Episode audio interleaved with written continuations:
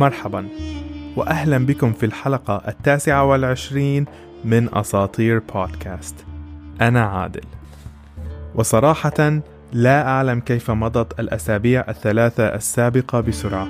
حتى الحلقات التي نشرت كانت قد سجلت من دون تسلسل ونشرت على عجلة. حتى حلقة البوذا كنت قد سجلتها قبل عشرين دقيقة من اتجاهي للمطار. تجربة نشر حلقة المكسيك قبل رحلتي إلى هناك كانت مختلفة. فحتى عند تجوالي بالمتاحف أو بالأسواق الخاصة بشعب المايا كنت على دراية ببعض الأمور التي كانت أمامي ولم أكن جاهلا تماما. قمت بمشاركة أغلب الأشياء المتعلقة بالأساطير وشعب المايا على إنستغرام وحفظت ما شاركت في highlight تحت عنوان المكسيك. فإذا أردتم مشاهدة ما رأيت في متحف الأنثروبولوجيا في منطقة اليوكاتان في المكسيك أو متحف عالم المايا أو مدينة أشمال الأثرية توجهوا إلى إنستغرام. اسم البودكاست هو أساطير بود A S A T E E R P O D. أسطورتنا اليوم قادمة من نيجيريا من ديانة اليوروبا.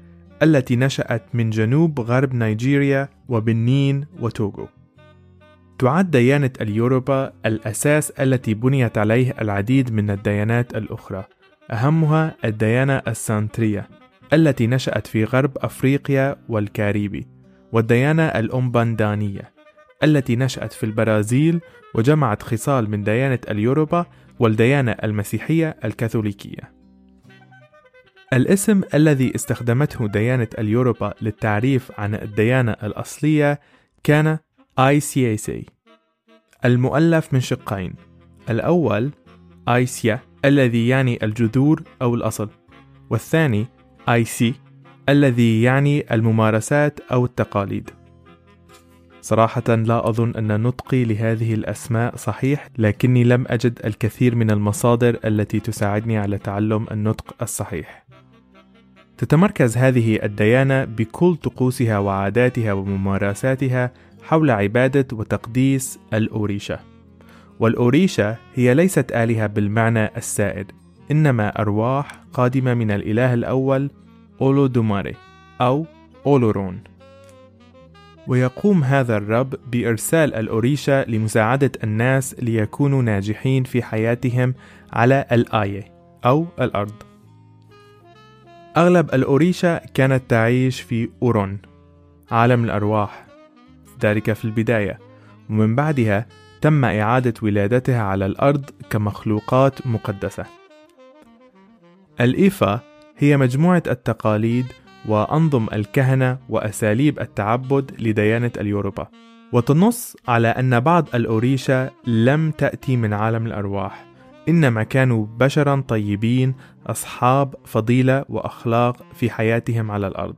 فكرمهم الإله بعد موتهم بتقديسهم.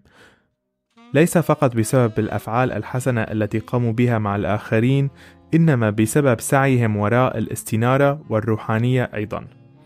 عدد الأوريشا غير محدد فبعض المصادر تقول 400 زائد واحد وهو رقم مقدس وبعضها ترجح 700 أما الأوريشا المذكورة في القصص المتوارثة هي 1440 أوريشا. تنقسم الأوريشا إلى قسمين القسم الأبيض للأوريشا ذات الطباع الهادئة والرحيمة والقسم الأسود أو الأحمر.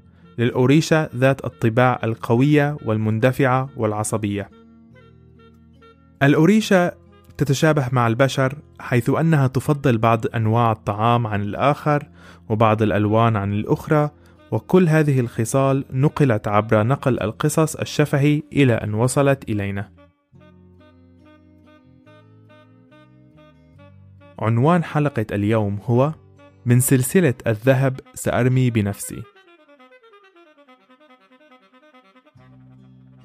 تقول الأسطورة أن أولورون الذي كان يقطن السماوات كان ملكا لكل شيء بداية بالسماوات ومرورا بالأرض والكواكب والعوالم وانتهاء بالآلهة. كان هو بداية الوجود وكل الأوريشا كانت حوله تعيش مع بعضها البعض في السماوات. عاشت الأوريشا حول شجرة يافعة وكان عندهم كل ما اشتهوا من طعام وشراب وملابس ورفاهية. ولم يحتاجوا أي شيء قط. كان عندهم الحرية التامة للتنقل بين السماوات والكواكب والسعي وراء ما يحبون. كان لأولورون أوريشا مفضل وكان اسمه أوباتيلا. لكن أوباتيلا كان أكثر الأوريشا حبا للمغامرة والاستكشاف وأراد أن يستخدم قواه المقدسة لعمل شيء ما. لم يكن يعلم ما هو بعد ولكن ذلك لم يمنعه من التفكر والتأمل. في أحد الأيام وبينما كان جالسا متأملا على أحد أغصان الشجرة رأى شيئا لامعا في الأفق. لم يعلم ما هو. عندما دقق أكثر وجد نفسه وجها لوجه مع كرة من الماء.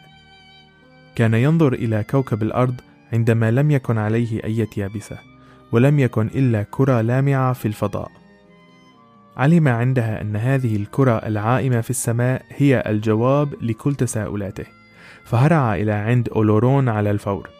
دخل إلى حضرته وقام بإلقاء التحيات والتباجيل عليه ثم قال إني أرى عالما من الماء عالم تحتنا. أريد منك أن تسمح لي أن أصنع عليه شيء ما. إذا سمحت لي فسيكون هنالك العديد من المخلوقات مع الأوريشة. لسبب ما أحس أولورون بالسعادة بسبب هذا الطلب فوافق عليه على الفور وسمح لأوباتيلا بالنزول إلى الأرض وإيجاد المخلوقات علم أوباتيلا أنه غير جاهز لخوض هذه المهمة لوحده وكان بحاجة إلى مساعدة باقي الأوريشا لكن أين سيبدأ؟ قرر أن يبدأ عند أوريشا العرافة والمستقبل أراد أن يعلم إن كان سيكون ناجحا في عمله أم لا دخل إلى عند أوروميلا أوريشا العرافة وقال له لقد سمح لي الملك أن أقوم باستكشاف عوالم الماء العائمة في الفضاء فهلا أخبرتني كيف أستطيع أن أكون جاهزا لهذه المهمة؟ جلس أوروميلا بصمت وتفكر فيما سمع وعلى وجهه علامات دالة على عمق أفكاره بعد عدة دقائق قام من على مقعده وأحضر شجرة صغيرة مقدسة. ثم أحضر جعبة صغيرة فيها مسحوق غريب ثم ذهب إلى خزانة مجاورة وأحضر منها ستة عشر نواة من نواة حبات التمر. أخذ المسحوق أولا ورشه بانتظام فوق الشجرة ثم أخذ النواة ورماها عشوائيا على الشجرة. بعد أن هدأت النواة في مكانها قام الأوريشا بدراستها ودراسة الأنماط التي خلفت في المسحوق. ثم أحضر مخطوطا وقلما وكتب بعض من الكلمات. ثم جمع حبات النوى مرة أخرى ونظف المسحوق الناعم من على الشجرة وأعاد العملية مرة أخرى. درس الأنماط والأشكال بدقة ثم كتب بعض من الكلمات على مخطوطته. ثم قام بتنظيف الشجرة وإعادة العملية مرة ثالثة. ثم رابعة إلى أن أعادها ستة عشر مرة. عندما انتهى من الكتابة نظر إلى مخطوطته ثم رافع رأسه ونظر إلى أوبتيلا وقال له أحضر سلسلة من الذهب الخالص ثم أجمع الرمل وثمار النخيل والأعشاب ثم أحضر البيضة المقدسة التي تحتوي على كل شخصيات الأوريشة. فرح أوبتيلا بما سمع. فقام على الفور وأخبر باقي الأوريشة بما حصل وطلب منهم العون والمشورة فأعطوه كل الذهب اللازم لصناعة سلسلة الذهب ثم جابت سماوات باحثا عن الرمال وجمعها كلها حبة تلو الأخرى في صدفة حلزون وبعناية تامة وضعها في حقيبته. ثم جمع بذور النخيل والأعشاب وغيرها من بذور الأشجار. ثم بدأ رحلة البحث عن البيضة المقدسة إلى أن وجدها. عندما وجدها أراد أن يحميها وأن يبقيها دافئة فما كان منه إلا أن وضعها قرب صدره. فرح أوبتيلا بنفسه ومشى مختالا وخلفه كل الأوريشة إلى أن وصل إلى طرف السماء. كان الجميع متحمسا وسعيدا. وهنا بدأت الرحلة. أخذ أوبيتيلا طرف السلسلة الذهبية وأحكمه في السماء. شد عليه ليتأكد من ثباته فكان ثابتا وقويا. فما كان منه إلا أن تعلق به وبدأ بالنزول إلى الأرض. نزل ونزل ونزل لمدة سبعة أيام. كانت الأرض أبعد مما تصور بكثير. تابع النزول إلى أن وصل إلى نهاية السلسلة ولم تكن الأرض تحته بعد. تعلق بالسلسلة وبدأ بالتفكير ولم يذكر أن أوروميلا كان قد أخبره عن ما يتوجب عليه أن يفعل عندما تنتهي السلسلة به. لم يكن أمامه إلا الإنصات فأنصت وأنصت وكان على يقين أن شيء ما سيساعده. وطبعا جاء صوت أوروميلا قادما من الأعلى قائلا استخدم الرمل. وفعلا وضع يده في حقيبته وأخرج الصدفة ثم أمالها إلى أن بدأ الرمل بالنزول منها كالمطر وفعلا كان كالمطر العاصف بقوته وعنفه. عندما ضرب الماء كان له صوت مدوي.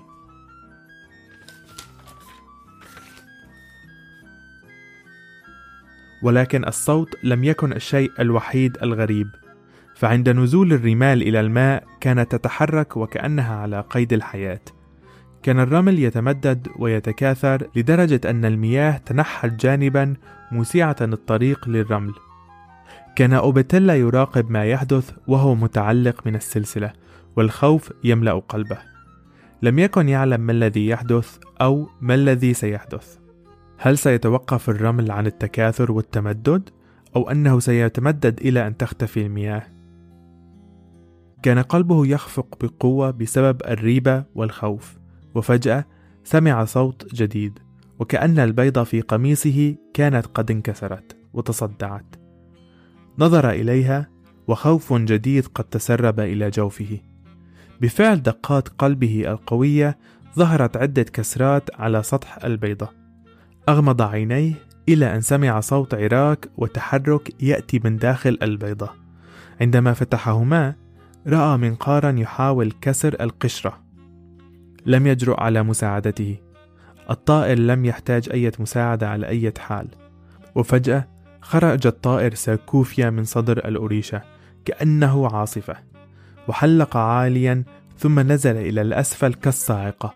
وأجنحته المباركة التي تحمل كل خصال الأوريشة قامت بتشكيل وتهذيب الرمال إلى وديان وهضاب وسهول وأشكال أخرى. بعد أن انتهى الطائر تشجع أوباتيلا وترك السلسلة الذهبية ونزل إلى الأسفل. هبط واقفا على قدميه فوق إحدى الهضاب. بدأ بالتأمل فنظر حوله إلى كل الأرض وتساءل عن اسمها. تفكر في الاسم إلى أن استقر على إيفي أو إيلي إيفي وعلى الفور بدأ باستكشاف الأرض الجديدة. وفي ترحاله بدأ بنثر البذور التي كان قد جمع في السماوات. عند زرع كل بذرة في الأرض كانت تنمو على الفور إلى أن تكتمل النمو وتحمل الثمار. وبعد وقت قصير أصبحت الأرض الجرداء خضراء يافعة مليئة بالثمار والأشجار الجميلة. تابع المسير إلى أن جاءه عطش عظيم. بدأ بالبحث عن مصدر عذب للمياه. لم يأخذ منه البحث طويلا إلى أن وجد بحيرة صغيرة. عندما اقترب ليشرب منها الماء رأى انعكاسه على سطحها فضحك فرحا حيث أنه خطرت على باله فكرة جديدة. أخذ من الطين المتجمع على ضفاف تلك البحيرة وبدأ بتشكيله على هيئته. عمل وعمل وعمل إلى أن أصبح بجانبه عدد لا بأس به من هذه المجسمات الطينية. كلها كانت واقفة من حوالي البحيرة. كان يتوقف عن العمل كل عدة دقائق ليعود لسطح الماء ليتفحص شكله وليتأكد أنه يقوم بالعمل على أكمل وجه. كل هذا العمل حول البحيرة أنساه عطشه. عندما أراد أن يأخذ قسطا من الراحة تذكر أنه عطشان. فبدلا من أن يعود للبحيرة قرر أن يأخذ الماء من إحدى أشجار النخيل المجاورة. سحب الشراب السكري من الشجرة وجمعه في قنينة فخارية وتابع استكشافه لهذه الأرض. بسبب طول المشوار تخمر الشراب وأصبح نبيذا قويا. تبع أوباتالا الشراب إلى أن أصبح ثملا. عند بلغ من الثمالة أشدها وجد نفسه عند البحيرة ذاتها فعاد إلى صناعة البشر. فجمع الطين وبدأ بالتشكيل من جديد وكانت كل المجسمات رائعة الجمال. بنظره طبعا فهو ما زال ثملا.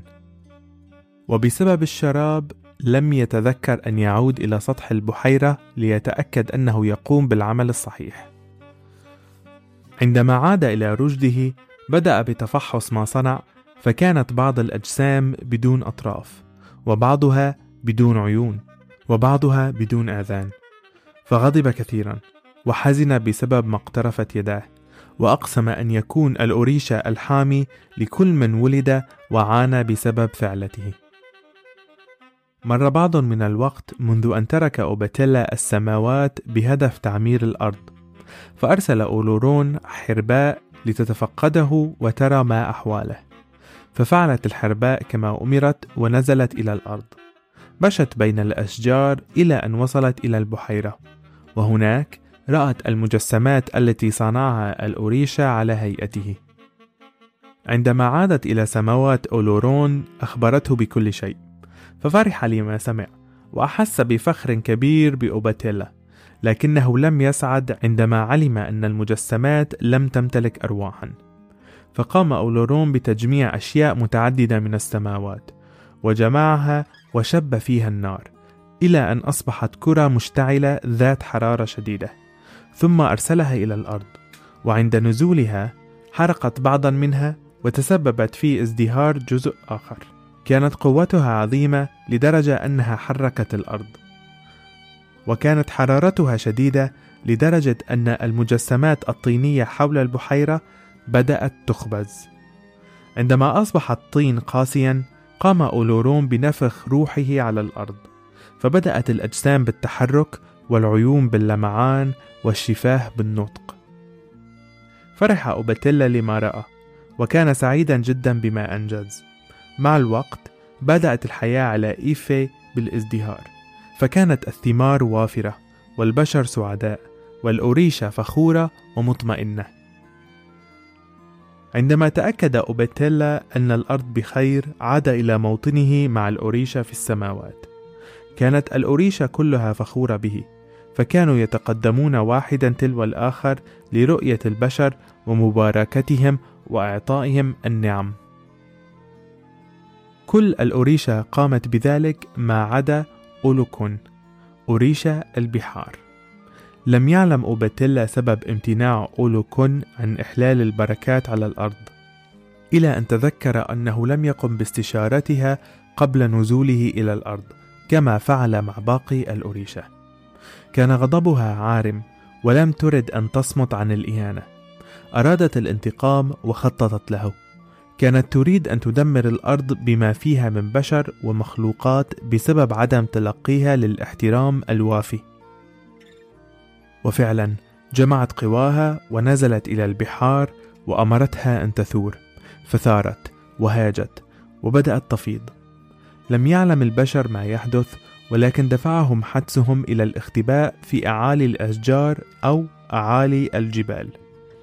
كلما ارتفع منسوب المياه ارتفعوا معه في الأعالي بدأوا بغناء الإيشا نداء لرسول الآلهة طالبين الوساطة بين أوباتيلا وأولوكون فالعديد منهم كان قد فني في هذه المياه الساخطة. سألوا الرسول أن يطلب المساعدة من كل الأوريشة وفعلا نجحت مساعيهم. فوافقت أولوكون أن تعيد المياه إلى البحر بعد أن تحل المشاكل بينها وبين أوباتيلا. تقدمت أوريشا البحار إلى أوباتيلا وقالت له أنها ستترك البشر على الأرض وشأنهم إن فاز عليها في مسابقة حياكة كانت على دراية أنه لن يفوز عليها في هذه المسابقة فهي حائكة ماهرة وهو لم يكن يعلم أي شيء عن الحياكة وكانت هذه الخطة الشريرة غايتها تدمير الأرض ومن عليها. لم يكن أمام أوباتيلا أي خيار سوى الموافقة، فوافق ولم يكن أمامه سوى بضعة أيام ليتعلم الحياكة ولكنه لم يكن منشغلا بذلك أبدا بل على العكس كان مسترخيا وفرحا. جاء يوم المسابقة وفعلا كانت الأوريشة كلها مجتمعة. كانت أولو كون واقفة أمام منولها بانتظار أوباتيلا. عندما جاء أحضر منوله معه ووضعه مقابلا لها. أعلنت الأوريشة بداية المسابقة وبدأت بالحياكة. حكت أولا أنماطا جميلة وزخارف براقة. عندما انتهت نظرت إلى منول أوباتيلا ورأت أنه حاك كما حاكت بالضبط. غضبت وعادت إلى العمل. هذه المرة حاكت مشهدا جميلا من السماوات. عندما انتهت نظرت إلى منول أوباتيلا مجددا ولصدمتها رأت المشهد ذاته هناك. تكرر ذات الموقف مرة ثالثة. فأعلنت باقي الأوريشا أن أوباتيلا هو الفائز وأن الأرض ستنعم بالسلام من جديد. فرح أوباتيلا بما سمع وبعد أن شكر الأوريشا قام بأخذ منوله وعاد إلى منزله. وهناك بدأ المنول بالتحرك بطريقة غريبة. كان على المنول حرباء متغيرة الألوان. كان أوباتيلا قد وظفها لمساعدته في هذه المهمة وفعلا نجحوا. فالحرباء الماكرة كانت ترى ما على منول أولوكون وتقوم بتقليده على الفور وبذلك أنقذ أوباتيلا البشر بمساعدة الحرباء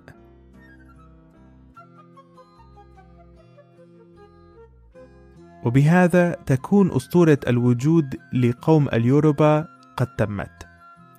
الجدير بالذكر هنا أن الإله أولورون كان إله وجودي ولم يكن معبودا كباقي الأوريشا. لم يكن له أضرحة أو معابد أو حتى طقوس خاصة لتبجيله، وكان هو فقط ملكا على كل شيء. ليس لأولورون جسد أو جنس أو أي شيء مادي. وجوده كان روحانيا فقط في الترجمات الأولى للإنجيل من قبل المبشرين تم استبدال اسم الرب بأولورون لكي يسهل عليهم دفع الديانة الجديدة على شعب اليوروبا ومنذ ذلك الوقت بدأت بعض النصوص تشير إلى أولورون كذكر. بعض المبشرين خصوصا إن كانوا على علم ودراية بالأعراف والتقاليد المحلية يبدأون أولا بتقريب الديانة الجديدة للديانة للديانة المتبعة عن طريق إعادة كتابة النصوص المقدسة. وهذا ما حصل في فنلندا والمكسيك وأيرلندا وهنا نيجيريا. في فنلندا في حلقة فايناموينن تحدثنا كيف أن كيف أن الديانة الفنلندية الوثنية لم تكن تؤمن بإله واحد ولكن ولكن الترجمات كانت تحتوي على إله واحد مقدس نيابة عن الكل. وفي أيرلندا أيضا في أسطورة تيرنونوغ التي تحدثنا عنها أسطورة تيرنونوغ أرض الشباب الأبدي. أيضا النصوص كانت قد كتبت عن طريق الكنيسة في ذلك الوقت. فتم أبعاد الكثير من الصفات الألوهية والربانية عن أبطال هذه القصص. الديانة اليوروبية لا تؤمن بمصدر تشريعي واحد ولذلك مفهوم أولورون يختلف من مكان إلى آخر. المفهوم هو أن عبادة أولورون تتم عن طريق عبادة وتقديس الاوريشا اسم أولورون هو قسمين الأول أوري ويعني الحاكم والثاني أورون ويعني الأرواح أو السماوات. من نافذة موضوعية بحت وبعيدا عن قداسة الأديان الفتوحات في القرون الماضية إن كانت إسلامية أو مسيحية كان لها تأثير عميق على النسيج الاجتماعي والثقافة المحلية واللغة وفن العمارة وحتى وضع البلاد الاقتصادي. الكاتبة النيجيرية تشيميماندا نيغوزي أديتشي في رواية الكركديه البنفسجي Purple Hibiscus تحدثت عن أثر الرحلات التبشيرية الأوروبية في نيجيريا على نسيج العائلة النيجيرية وعلاقة الآباء بالأبناء والأبناء بالأجداد. عادة ما تدرس التعاليم الدينية الجديدة نبذ كل ما هو مختلف عنها. من الممكن أن يتعلم الناس نبذ العادات والأعراف القديمة بطريقة عنيفة، وهذا ما تحدثت عنه تشيماماندا. في المجتمع النيجيري يوجد حركة كبيرة لاستعادة التواصل مع الأعراف القديمة المرتبطة بعبادة الأوريشا، ولكن ليس من ناحية دينية، فأغلبية البلاد تنتمي للديانات المسلمة والمسيحية. ولكن من ناحية ثقافية وتوعوية، تواصل الإنسان مع جذوره وأجداده مهم جدا، فهذه ثقافة بلادهم وأجدادهم وهي الأساس في عاداتهم وتقاليدهم. هذه التفاصيل مهمة لأنه مثلا في مصر للأقباط دور رئيسي وأساسي في فهمنا للعديد من الأشياء المتعلقة بالمصريين القدماء. ولو لم يحافظوا على عاداتهم وتقاليدهم ولغتهم مع أن ديانة البلاد تغيرت من الوثنية إلى المسيحية في ذلك الوقت لما كنا نمتلك الكثير من المعلومات التي في متناولنا اليوم. ما عدا ذلك الحفاظ على تلك العادات يقوي الروابط العائلية بين الأجيال القديمة والحديثة وتورث أمور مهمة مرتبطة بالمعيشة والتأقلم في بقعة جغرافية محددة. أتمنى أن تكون حلقة اليوم قد نالت إعجابكم. لا تنسوا متابعة البودكاست على المنصة التي تستخدمون وأيضا على مواقع ال social media. اسم البودكاست هو أساطير pod في كل مكان. A S A T E E R P O D. شاركوا البودكاست مع أهاليكم وأصدقائكم المهتمين بالأساطير. وأود أن أذكر وأشكر خاصة سكان مدينة الرياض فلهم فترة طويلة محتلين الرقم واحد من قبل عدد المستمعين. شكرا لكم وتصبحون على خير. فالوقت متأخر الآن. كان معكم عادل في أساطير بودكاست.